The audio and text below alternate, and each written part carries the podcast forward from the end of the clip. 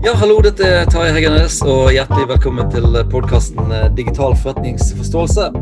Så Gjesten min i dag det er Karen Osmundsen, som er da en uh, tidligere student av meg. Uh, og som nå er, holder på med doktorgraden sin på, på NHH. Og er vel kanskje den første stipendiaten som var direkte på, på digitalisering på, på, NHH, så vidt som jeg, som jeg husker. Um, så Karen uh, gikk jo på Høgskolen Bergen, som det heter i, uh, i gamle dager. Nå uh, heter det HVL. Og hun var jo studentassistenten min i et kurs som vi hadde der. Og hun har hatt studentassistent for meg på NHH. Og jeg husker jo pga. det, også fordi at jeg tror Karen er litt nysgjerrig. Så jeg husker vi hadde et sånn bloggeprosjekt der Karen prøvde ut å ha Google ads på denne bloggen sin. Det var sånn at folk i klassen skulle eh, kommentere på hverandre sine blogger. Og det gikk jo helt greit, helt til Google fant ut at eh, alle kom fra samme domene som klikket på annonsene. Så du, da mister du de pengene, Karen. Stemmer det. Det blir ja. ikke så mye. Nei. Men uh, jeg, likte, jeg likte utforskertrangen og nysgjerrigheten, og det er kanskje det som har gjort at du har gått videre på, på forskning for dette et par år i næringslivet. Men uh, jeg tenkte vi skal bare begynne å ja, før, før du får introdusere deg sjøl, så uh, må jeg si at um, jeg er veldig glad for å ha den første kvinnelige gjesten på podkasten min. Det er Way Overdue. Uh, og jeg håper det blir, det blir flere. Men tusen takk for at du ble den første kvinnelige gjesten. Og kan du bare fortelle litt om deg sjøl, Karen? Ja, takk for det. Og jeg syns det er på tide med kvinnelig gjest, så mm. det bra. Eh, ja. Eh, Karen Åsmundsen heter jeg. Jeg er 32 år, eh, opprinnelig fra Stavanger. Men jeg har bodd i Bergen siden 2007, eh, når jeg da flytta hit for å begynne på økonomiadministrasjon ved Høgskolen i Bergen, da, som det het. Um. Etter bacheloren så tok jeg to år hvor jeg jobbet med eh, shipping av fisk og logistikk. Um, eh, og så etter to år der så begynte jeg på NHH på master. Um, når jeg var ferdig med masteren, så ville jeg jobbe som konsulent. Så da jobbet jeg eh, i tre år som konsulent i Deloitte. Før jeg da bestemte meg eh, for å gå tilbake igjen til NHH og akademia og grave meg enda litt dypere i, i temaet som jeg syns er interessant. Som, eh, jeg har ikke tenkt over at jeg har vært så nysgjerrig før, men det, det henger sikkert igjen fra, fra tidligere. Ja. Ja. ja. Så der holder jeg da på med doktorgraden min, hvor jeg forsker på en ser på digital transformasjon i liksom, tradisjonelle, etablerte eh, virksomheter. Mm. Eh, og så har jeg vel en sånn slags rød tråd gjennom artiklene hvor jeg eh, setter litt fokus på den ansatte som en viktig rolle i den digitale transformasjonen. Mm. Bra. Du, um, uh, du har, jeg syns jo kanskje du har en liksom fordel overfor andre stipendiater som uh, kanskje går rett fra bachelor til master og fra master til, uh, til ph.d. For du har jo fått perspektiv med deg ifra, ifra rett og slett konsulentbransjen og, og næringslivet generelt sett. Mm. Um, hva, hva, tenker du, hva tenker du, eller hva Merker du at du, du har en, en, annen tilnærming kanskje enn de andre som har gått på en måte den rene akademiske veien? Hva, hva har det gitt deg liksom å ha hatt de, de årene der?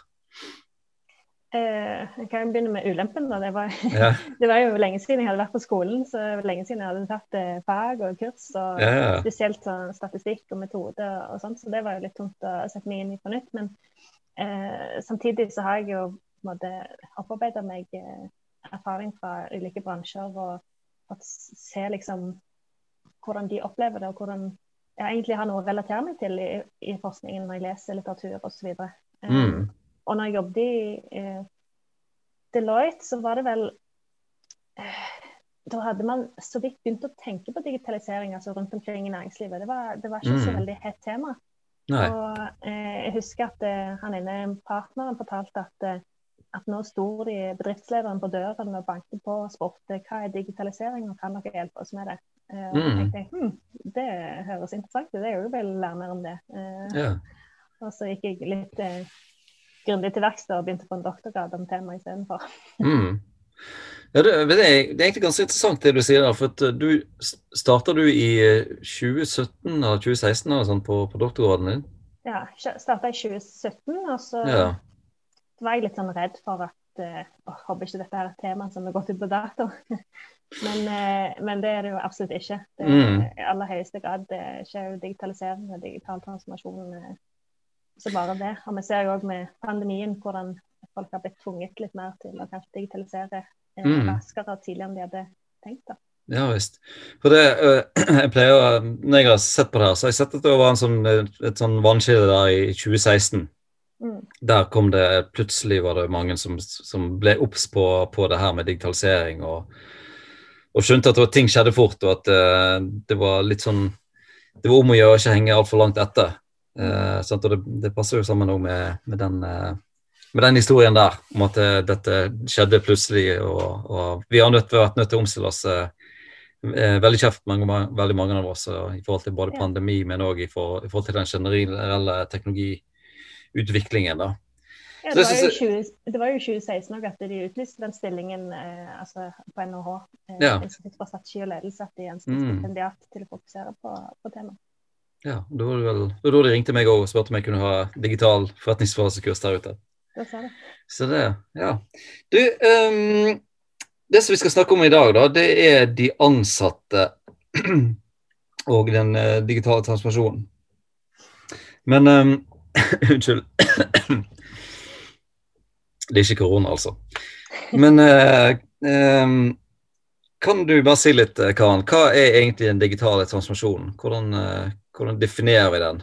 Har, du, du, har skrevet, du har gjort litt sånn litteratursøk på det og, og vært veldig oppi det. og har du, en, har du en god forklaring? Eller en god definisjon? Ja, jeg lurte jo litt på det samme når jeg skulle begynne på studiet, eh, for jeg hadde ikke noe godt svar på det. Eh, det, det, er på en måte et veldig bredt begrep og kanskje litt diffust, og så betyr det gjerne forskjellige ting for ulike folk, eh, ulike forskere, ulike bedrifter osv. Mm.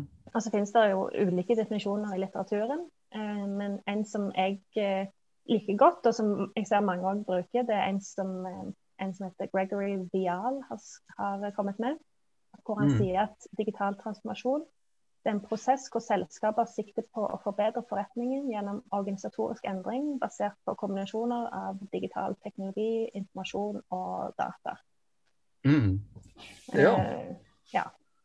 Ja. det er interessant. For dette, uh, at uh, på en måte en, en, organisatorisk endring står litt i høysetet, egentlig, i, i den definisjonen der. Mm. Det, det, er litt spennende, for det er ofte så, er, så, ofte så kommer på en måte de, de digitale teknologiene lenger fram i, uh, i, i definisjonen. Ja. Og her så, bruker en jo data òg i definisjonen. Altså, i mm. definisjon og, så, så, som, som, sagt, det finnes mange ulike definisjoner, men det som i hvert fall er litt fellestrekk med alle definisjonene, er dette med som du sier, digitale teknologier. Um, at det innebærer å dra nytte av digitale teknologier til å forbedre og endre forretningen. Mm. Eh, at det innebærer endringer i ressurser, produkter, tjenester, prosesser. Det er sånn forskjellig hva som trekkes fram. Men også mm. gjerne deler av eller hele forretningsmodellen til og med. Mm. Eh, at det er mer enn på en måte en, bare en digital oppgradering, kan man si, men at det innebærer da, som du sier, en organisatorisk omlegging. Eh, eh, og at det involverer hele organisasjonen og mm. alle ansatte, og ikke bare IT-funksjonen eller lederne. Ja. Mm. Ja, veldig, veldig, Det er veldig spennende. Jeg, jeg likte at den, den organisatoriske endringen sto litt, eh, litt før der. Og det, det, som eh, ofte eh, vi hører når folk snakker om digitalisering, det er jo at digitalisering handler jo i først og fremst om, om mennesket. og så handler det om teknologi. Og jeg vet ikke om jeg er sånn helt enig, men det, det er jo det høres veldig fint ut å, å, å, å si det. Altså det mm jeg syns det er veldig mye det, det er kombinasjonen i, imellom de tingene der. Men det som vi skal snakke litt om nå, det er jo hva, hva, vet vi egentlig om dette her med, med hvordan den her, altså med, med, med mennesket inni den digitale transformasjonen? Mm. For det vet jeg at det har du, det har du forska på, det har du litt sånne tanker rundt. Mm. Um, ja, så hva hva, hva, vet vi egentlig om det, og hva, hva, tenker, tenker, du om det? Ja, altså, jeg er helt enig i det. Folk kan liksom hive rundt seg at uh, digital, digitalisering handler om uh, mennesker. Eh, digital transmisjon handler om mennesker. Det er en kulturell reise framfor en teknologisk reise osv. Mm. Eh, og jeg syns han George Westerman, som du kjenner godt til, som er eh, mm. forsker ved MIT, han har en essay som jeg syns har en ganske fin tittel. Det heter 'Digital Transformation Needs a Heart'. Mm. For å minnes på dette med at vi må ikke glemme at det faktisk er folk som får bedrifter til å funke. Mm. Eh, men selv om måte, man er enig i viktigheten og eh, eh, viktigheten av mennesker oppi dette, her, så er det eh, ofte sånn at bedrifter gjerne glemmer ut dette her når de sitter midt oppi den digitale transformasjonen. Mm. Fokuserer på strukturelle endringer, prosesser og teknologi, og så glemmer man litt den ansatte. Eh, mm. Og forskningen har eh, jeg har prøvd å finne liksom, hva er det forskningen sier om dette. og det er veldig få som går liksom, i i dybden på den ansatte, eh, mm. eller de ansatte kunne påvirke, men de trekker frem ulike momenter. da. Ja. Eh, og der er liksom man, man, kan se på ulike aspekter av mennesker i den digitale transformasjonen. og Det ene er gjerne eh, effekten det har på den ansatte, eller hvordan eh, den digitale transformasjonen påvirker den ansatte. Mm. Eh, hvordan eh, de ansatte reagerer på digital transformasjon, eller hva er deres holdninger til den digitale transformasjonen. Og så trekker man også fram eh, nummer tre, viktigheten av å ha engasjerte ansatte. Eh, og involvere det i den digitale transformasjonen. Og så siste element som trekkes fram i forskningen, er mer sånn tilretteleggende faktorer. Altså hvordan man skal kunne eh, gi nok eh, eller tilstrekkelig eller eh, nok oppmerksomhet til de ansatte i den digitale transformasjonen. Hvordan man skal mm. legge til rette for det. Ja, det, det syns jeg er spennende. Også. så, liker jeg veldig godt jeg liker jo godt at det er litt sånn struktur og sånt når du skal uh, formidle ting. Så jeg liker godt nå at du uh, har på en måte egentlig ganske fire sånne klare, klare punkter her. da. Mm. Med effekten, hvordan de reagerer, eh, hvor viktig det er å engasjere, og hvordan du tilrettelegger der. Så hvis vi, hvis, vi, hvis vi, begynner litt med denne effekten på de ansatte. Um, hva slags effekt er det på de ansatte? Og eh, det, hva effekt ønsker vi at det skal på de ansatte? Um, hvordan, og, og hvordan, skal vi, hvordan, skal vi, oppnå den effekten som, som vi vil ha? Mm. Hva, hva, tenker du om det? Eh, altså Hva slags effekt som man ønsker å oppnå sånn overordnet med digital transformasjon, det vil jo variere fra selskap til selskap. Men når det gjelder ansatte, så, så tenker jeg at uh, de aller fleste ønsker å, å, få de ansatte med på laget. Altså mm. få de til å være med på endringene, til å støtte og bidra inn i transformasjonen. Mm. Uh, kanskje til og med drive, uh, eller i hvert fall bidra sterkt inn i, i transformasjonsarbeidet. Mm. og at man ønsker at skal, den digitale transformasjonen skal være det beste for både den ansatte og organisasjonen som helhet. Mm. Og det man ser at forskning trekker frem ulike momenter som, eh, eller ulike måter de ansatte påvirkes av digital transformasjon. Altså, det er ingen som går sånn veldig dybden på, på noen ting, men det er liksom ulike ting som eh, trekkes frem. og det er hvordan f.eks. en eh, digital transformasjon fører til endringer på arbeidsplassen. altså Hvordan man jobber på, hvordan man sosialiserer og interagerer med andre på jobben. Mm. Eh, de trekker fram work-life balance, eh, mer fleksible eller annerledes arbeidsordninger. Mm, nye kommunikasjons- og samhandlingsmåter. Mm. Så det handler litt om å anerkjenne at digital transformasjon det har både sosiale og menneskelige aspekter i tillegg til, til teknologiaspekter, som du er inne på. Mm. Eh, og det andre hovedendring, eller hovedeffekten som trekkes fram, er gjerne hvordan det fører til endrede kompetansekrav eh, hos mm. ansatte. Eh, kommer, digital transformasjon innebærer jo eh, i at man integrerer og implementerer eh, ny teknologi, gjerne flere digitale teknologier eh, i kombinasjon. Dette er komplekse digitale teknologier. Så det å på en måte kunne håndtere disse teknologiene, og samtidig òg eh, håndtere endringene som følger av digital transformasjon, så trenger man gjerne nytt sett med kompetanse. Mm. Så, så, så, det som sier, det er jo at, at, at um, ønsker at, eller, vi ønsker at de skal være med i, i endringen. og at eh, effekten er òg at de, de, det blir et kompetansebehov, rett og slett. da. Mm. Er det sånn de pleier de å sånn, Har det vært undersøkelser der folk ikke har reagert på den måten der? Eh, sånn, er, eller er folk stort sett positive i forhold til hva forskningen har sett. For vi har jo et inntrykk av at folk er liksom nei, huff og huff, endringer og sånne ting. Men mm. hvordan, de, som har, de som har undersøkt dette her, er folk eh, positive, eller er de, er de negative, egentlig? Mm, sant, Å komme inn på liksom, hvordan de ansatte reagerer på digital transformasjon Generelt mm. så virker det som at eh, mange liksom, uttalelser av media eller fokus i media og vinklinger i forskningen eh, baserer seg på en antakelse om at ansatte eller folk flest vegrer seg mot endring, og dermed òg digital transformasjon. Mm. At de ikke liker nye endringer, at de ikke liker innføring av ny teknologi, for de liker det på den gamle måten. for å si det sånn. Mm. Og Det gjelder kanskje for noen. Eh, altså, I hvert fall så viser forskningen at altså, det er en del negative til digital transformasjon. Eh, mm. Det kan komme av f.eks. at de eh, føler at de blir mer overvåket med innføring av, eh, eller økt innføring av digital teknologi. Mm. De føler seg gjerne overvelda av all teknologien. Snakker, mm. snakker om begreper som 'digital jungle', altså at det er en mm. teknologisk jungel. Ja. Eh, at de ikke ser hensikten eller målen bak endringene.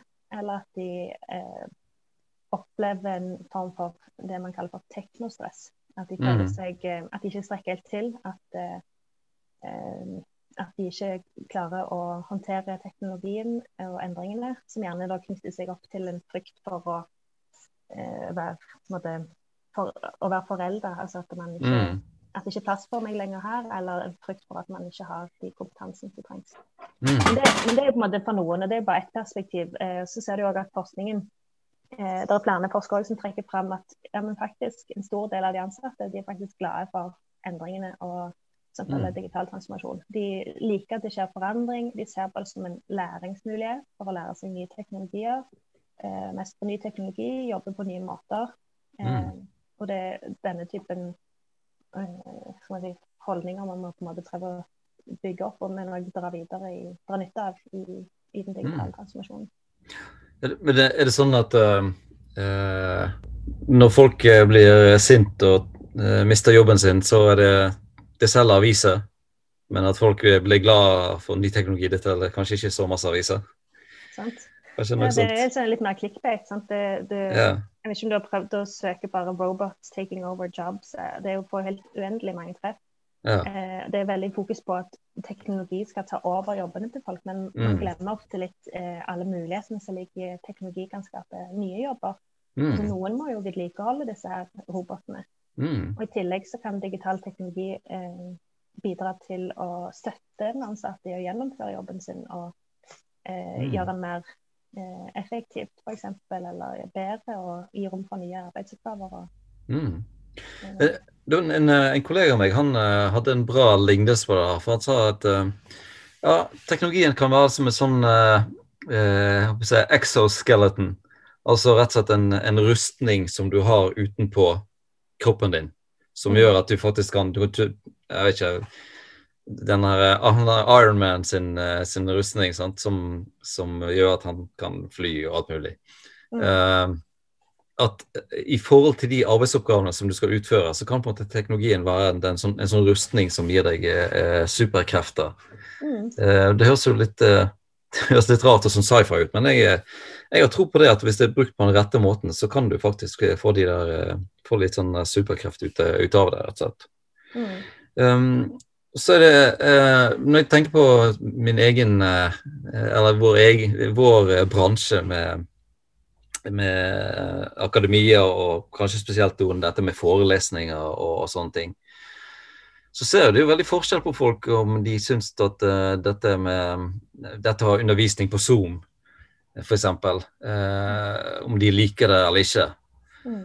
Og noen er jo kjempenegative til det her, og de syns at dette er kjempevanskelig og, og, på en måte er vant til å er vant til å stå i klasserommet og få liksom den, den tilbakemeldingen der og, og, den interaksjonen. Mens andre syns at ja, det er jo greit, savner kanskje det, men det er jo mange ting som er kjempebra òg med, med, Zoom. Mm. Og du kan på en måte ta opp forelesningene, og du har du kan plutselig sette opp en, en, en veiledningsøkt for hele klassen på, på kort varsel og, og, ta alle slags mulige spørsmål kanskje det er lettere for noen å spørre spørsmål når de, når de sitter bakom eh, skjermen og, og, skriver i chatten og sånne ting. Mm. Eh, og en av de som er som, eh, en, en, kollega som jeg har som er 70 pluss, han er jo Erik Wilberg heter han. Han er jo superengasjert i dette med teknologi. Han syns at det er så masse muligheter. Mm. Og, og han, han, sier at det, det som driver han, er en blanding av latskap og nysgjerrighet.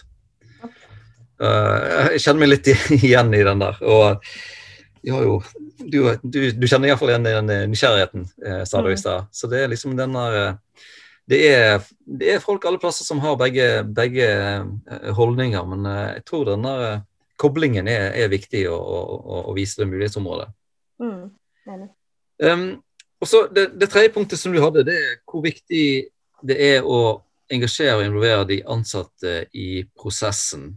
Mm. Um, og så uh, Det som jeg lurte litt på, da, det er um, hva, med, hva, mener du med viktig, når det blir sånn akademisk? Sånn, ja, hva mener du egentlig med viktig? Mm. Er, det, er, det, viktig i forhold til organisasjonen, eller er det viktig i forhold til de ansatte? Eller er det viktig sånn økonomisk, eller, eller er det alt? Hva, som du sier, når det er viktig å involvere de ansatte i prosessen, hva, hva, slags hovedting er det viktig for, tenker du da? Mm. Altså, tanken er liksom at det, det som er viktig, er jo at man har engasjerte ansatte. At ansatte som er engasjert eh, mm. og positive og liksom eh, er med å bidra til den digitale transformasjonen. Og så er det liksom, eh, For å oppnå det, så er det er det måte Det å involvere de ansatte i prosessen er liksom et veldig godt virkemiddel for det. Mm. Eh, hvem det er viktig for, altså det, det handler jo på en måte først og fremst at det, at det er viktig for den digitale transformasjonen. Altså for at du skal mm. lykkes med digital transformasjon. Du kan mm. ikke en, endre en virksomhet uten å ha eh, med deg de ansatte.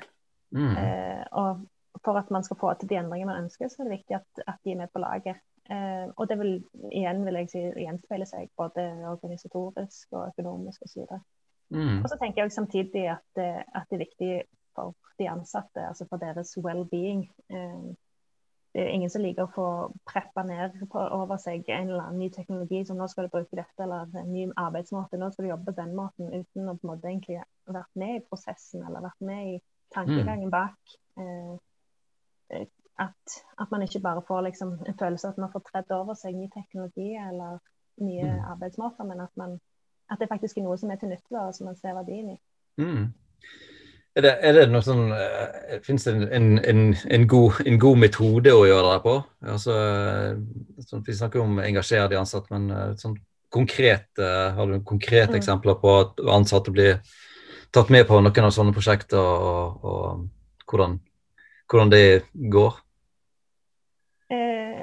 Ja, altså generelt involvere de ansatte. Vi har jo, har jo det eksempelet som, eh, eh som du har eh, tatt med i, i boken din òg, eh, mm. en forretningsforståelse hvor eh, meg og eh, kollega Jon Iden så på digitalisering eller et konkret robotiseringsprosjekt, eller RPA, robotisert prosessautomatiseringsprosjekt mm. i DFØ, altså Direktorat for økonomistyring.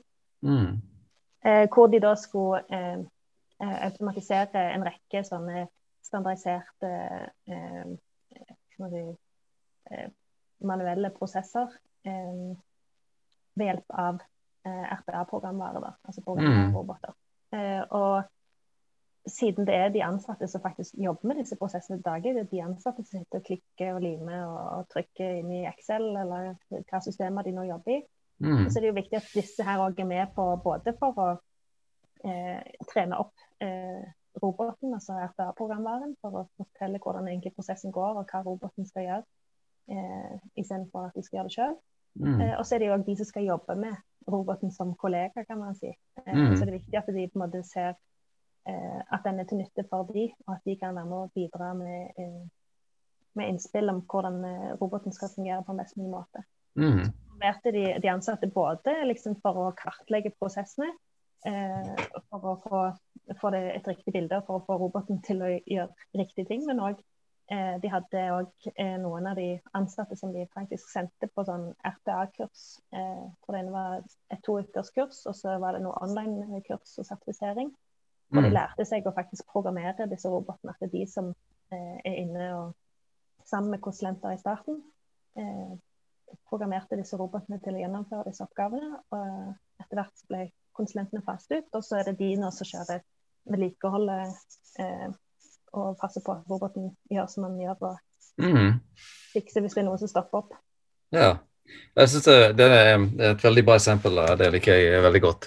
Og så tenker jeg jo på det er jo flere av uh, gjestene som jeg har hatt i podkasten uh, tidligere, som har vært inne på de samme tingene. og det ene er jo en som heter Ole Øyen, som uh, jobber i et konsulentselskap som heter Karbin, som har en egen podkast om gevinster. Mm. Og i, i, måte, i, det gevinsthierarkiet som han presenterer, da, der er, den, der er faktisk de ansatte først. Mm. Så det betyr at OK, du skal um, la, la, oss nå si at hvis, hvis, vi skal prøve å sette en, en sammenheng mellom um, eh, digitalisering og, og, digital transformasjon Hvis vi, um, hvis vi uh, går uh, ut ifra den definisjonen i den artikkelen som du skrev med, med Bendik Bygstad og Jon Iden med, som den litteraturgjennomgangen, så står det at digitalisering er på en måte kan føre til en digital transformasjon. Og det blir jo ofte disse de, de ansatte på en måte merker igjen først på kroppen disse tiltakene innenfor for digitalisering. Mm. Er du enig med det? Ja, altså ja. Det, det, hvis du har mye, nye digitaliseringsinitiativ eh, over tid, så vil det på en måte mm. føre til digital transmisjon. Og det er jo ikke nødvendigvis at, alltid at eh, de ansatte er involvert like mye i i, i det overordnede bildet mm. og tankegangen til ledelsen om den større digitale transformasjonen, men de opplever jo på en måte direkte eh, mm. effekten av disse digitaliseringsinitiativene. Mm. Så Det, det syns jeg jo, det, og det, det, går jo bra sammen med det som du har sagt nå, at uh, det å sette et mål for uh, et, et gevinst for de ansatte uh, i starten av prosjektet, og, og, og, sjekke om den har blitt oppnådd, det vil jo på en måte kunne bidra til um, den her eh, engasjementet og sånt som, som, som, vi snakket om nå. Mm.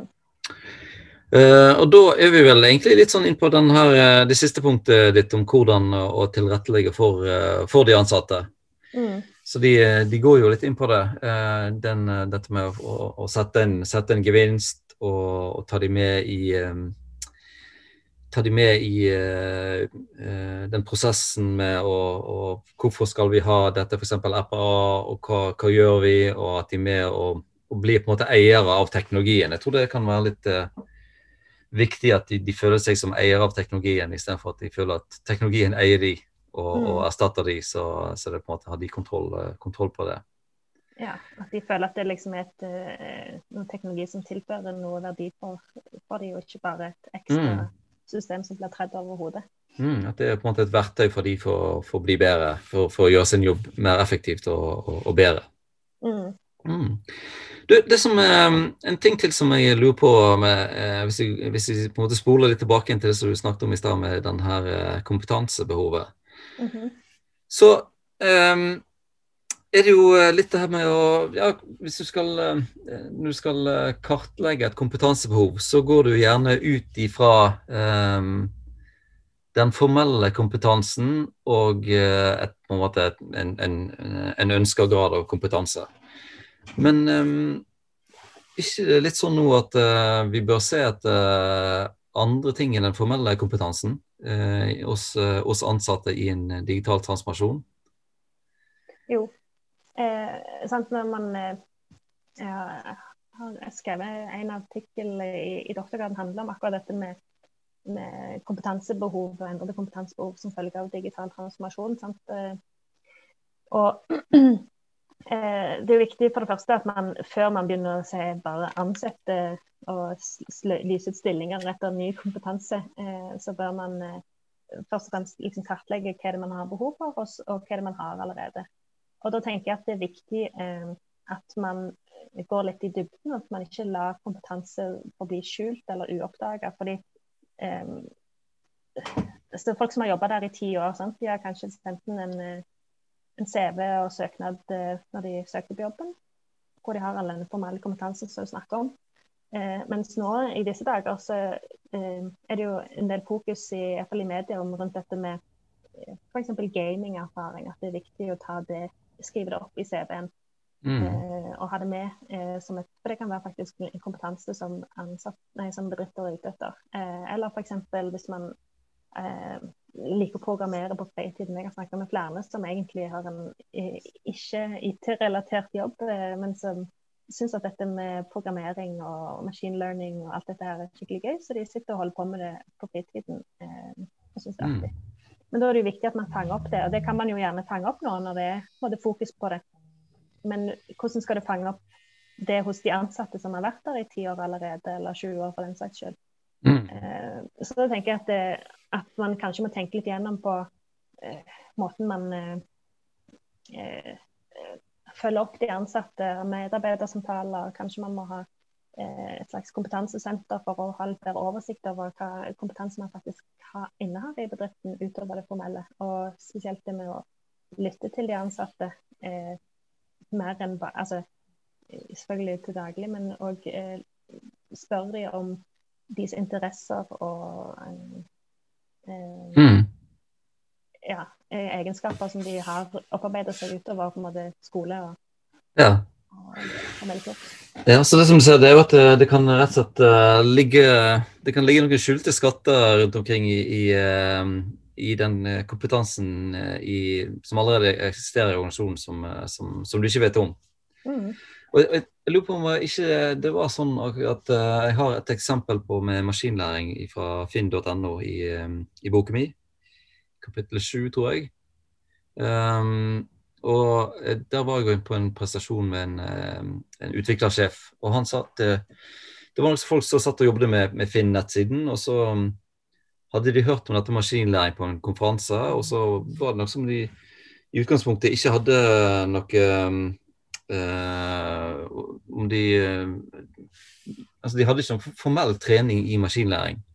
Men de syntes det var spennende, og de, at, de, altså de, de, så noen muligheter i å bruke maskinlæring i, inn i den jobben i finn.no. Så da tok de noen kurs og, og, lærte seg sånn basic, og så begynte de på en måte å jobbe ut den løsningen som nå har blitt som de nå mm. bruker i, som er i, i produksjon.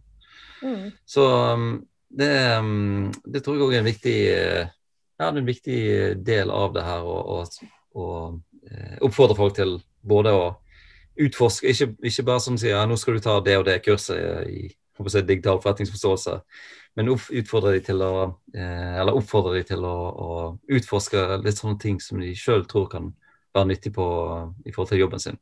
Ja, og hva de interesserer seg for. Altså, det finnes utrolig mange gode sånn online-kurs eh, på f.eks. maskinlæring og alt det der. Mm. Eh, jeg har òg eh, et eksempel som jeg har fortalt deg tidligere, om en som jeg ble kjent med gjennom forskningen.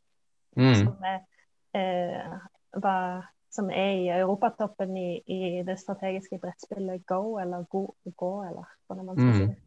Mm. Eh, og han fortalte at han hadde sett den filmen eh, som heter AlphaGo. Mm. Den ligger på Netflix. Ja, han gjorde det før iallfall. Ja, eh, og der handler det liksom om en, en eh, AI-robot som utfordrer verdensmesteren i dette spillet. Eh, og mm. han syntes at det var helt eh, sykt å tenke altså Det var så fascinerende å tenke på og interessant at han da bestemte seg for at han ville lære seg maskinlæring. For han kunne ikke tro på hvordan noen en robot kunne spille dette spillet, for det er så voldsomt strategisk. Ja. Jeg vet ikke om du har prøvd det, jeg har prøvd det, det er helt umulig. Nei, jeg, jeg, jeg, har ikke prøvd det han bestemte seg for å eh, faktisk ta, ta, det litt lenger, da, så han utdanner seg eh, formelt innenfor uh, dette. Det er ikke alle som går, går så formelt til verks, men, men, det sier mm. litt om måte, hvordan interesser kan trigge kompetanseutviklinga. Mm. Veldig interessant. Eh, men kan, kan, du, eh, kan du si litt hva hva du, hva du tenker framover? Sånn, eh, nå er du, vet jeg at du er litt sånn i avslutningsfasen med, med, doktorgraden din. og Hva tenker du eh, Hva er liksom de, de, spennende spørsmålene som vi kan finne mer ut om eh, framover i forhold til de ansatte og digital transformasjon? Og, ja, altså som sagt, akkurat dette her temaet virker å være veldig underutforsket. Iallfall innenfor mitt forskningsfelt. Nå, mm. er det sikkert en del eh, Mitt forskningsfelt heter informasjonssystemer, eller information system, som handler om hvordan eh, informasjonsteknologi påvirker organisasjoner. Mm. Eller brukes i organisasjoner. Eh, og det kan være at folk i et forskningsfelt, f.eks. For HR eh, eller eh, det, lignende, har sett mer på det, altså. Mm. Men generelt så er det jo et veldig underutforsket tema. Mm. så alt vi kan bidra til, tenker jeg er, er bra. Mm. når det er sagt, så tenker jeg at det er spesifikt at det kan være mer, mer, At det er viktig å se på nøyaktig hvordan Eh, mm. ansattes arbeidshverdager endres, og hvordan, hva dette betyr for den ansatte organisasjonen utover måte, at de forandrer arbeidsmetoder. Men, okay, men hva betyr det? Eh, at man mm. går i retning òg og eh, Kanskje går det an å måle dette her? Er det noen målbare effekter eh, både hos den ansatte og mer kvalitativt, men også kanskje kvantitativt? Og det ser jeg at mm. det er veldig lite generelt når man snakker om digitalisering og digital transformasjon. Mm. Så sånn, ok, hvordan skal vi måle effektene? Ja. Sånn, okay, men hva er målene? Altså, det er alltid så uklart hele veien. Mm. Både hva man ønsker å oppnå, men òg hvordan man kan måle det man ønsker, eh, ønsker å oppnå. Mm. Uh, ja. Så jeg håper litt å bidra iallfall i hele dette ansattperspektivet med forskningen min. da. Mm. Uten at jeg går inn på måling. Det gjør jeg ikke. mm. Ja, Det er spennende at du på en måte beveger deg litt inn i egentlig organisasjons, uh, organisasjonsteoriverden på, på, et vis, med, med, å se på hvordan disse her spiller, spiller sammen. da. Mm. Og det, det, er jo litt sånn eh, Jeg tenker jo sånn det, det, store, vanskelige spørsmålet er jo hvordan får vi delt arbeidet best mellom mennesker og maskiner, sånn at mm. uh, maskinene gjør sitt beste og menneskene gjør sitt beste. og uh, så begge føler seg vel. Mm, men maskin, maskinene trenger vel ikke føle seg vel. Nei, nei, men de, de, må jo funke, de òg. De må jo vedlikeholdes ja, og, og, bli oppdateres og ja, integreres mm. med, med, mennesker og ny annen teknologi. Og, ja. mm. Jeg er enig i det samspillet mellom mennesker og teknologi tror jeg blir uh, veldig interessant fremover. Mm. Vet du hva, Karen, Dette var kjempeinteressant å, å um, prate med deg om det her. Og Hvis vi skal prøve å, um, å oppsummere litt her, da, uh, så tenker jeg at det som, det som har vært inne på, at det er, jo, ja, dette er, det er et viktig tema. Um, selv om det er mange som kanskje slenger, slenger det rundt seg uten, uten, at de har tenkt seg så masse om det. Og så viser jo forskningen er at vi, vi har ikke sett så mye på det som, som vi kan. Mm. Men um, det som, uh, det som jeg uh, tror vi kan ta med oss herfra, det er at um, folk er kanskje generelt mer positive uh, enn det virker som i, i på en måte clickbait-annonsene på, på, nettavisene. Um, det at det er viktig å, å legge til rette og forklare litt uh, hvordan uh, altså hvorfor gjør vi det her, og hvordan virker det på, på den enkelte ansatte. Og liksom ha det perspektivet at um, eh, gevinster som vi som er økonomer, vi tenker at bunnlinjen er bra, mm. eh, og den er best, og den veier mest. Men at vi sier ok, men på vei til bunnlinjen så er det noen gevinster som skal være hos de, eh, hos de ansatte, med, med mer interessante arbeidsoppgaver, Eh, og det liksom å ja, åpne de litt opp til, til nye, nye, muligheter. Mm. Og, og, det siste òg at eh, det fins kanskje mer eh, spennende kompetanse i virksomheten enn eh, du tror. Mm. Så han er som er litt sånn innadvendt og går med sånn uh, World of Warcraft-T-skjorte på jobb. Han kan kanskje være en viktig trekk i den digitale transformasjonen som skal foregå der. Ja, jeg tenker det var godt oppsummert. Og så kan man bare legge til, som ikke har snakket om egentlig, men eh, som følge av alt dette, så tror jeg at HR-funksjonen eh, får en, en måte, kanskje enda viktigere oppgave i dag enn eh, det de har hatt tidligere, da, i, i, forhold til det å støtte selskapet i å både tiltrekke, utvikle og beholde ansatte. Og mm. fange opp eh, mm. Ja.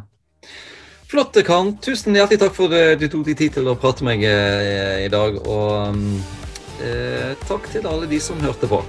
Takk for at du ville ha med. Ja, ha det bra.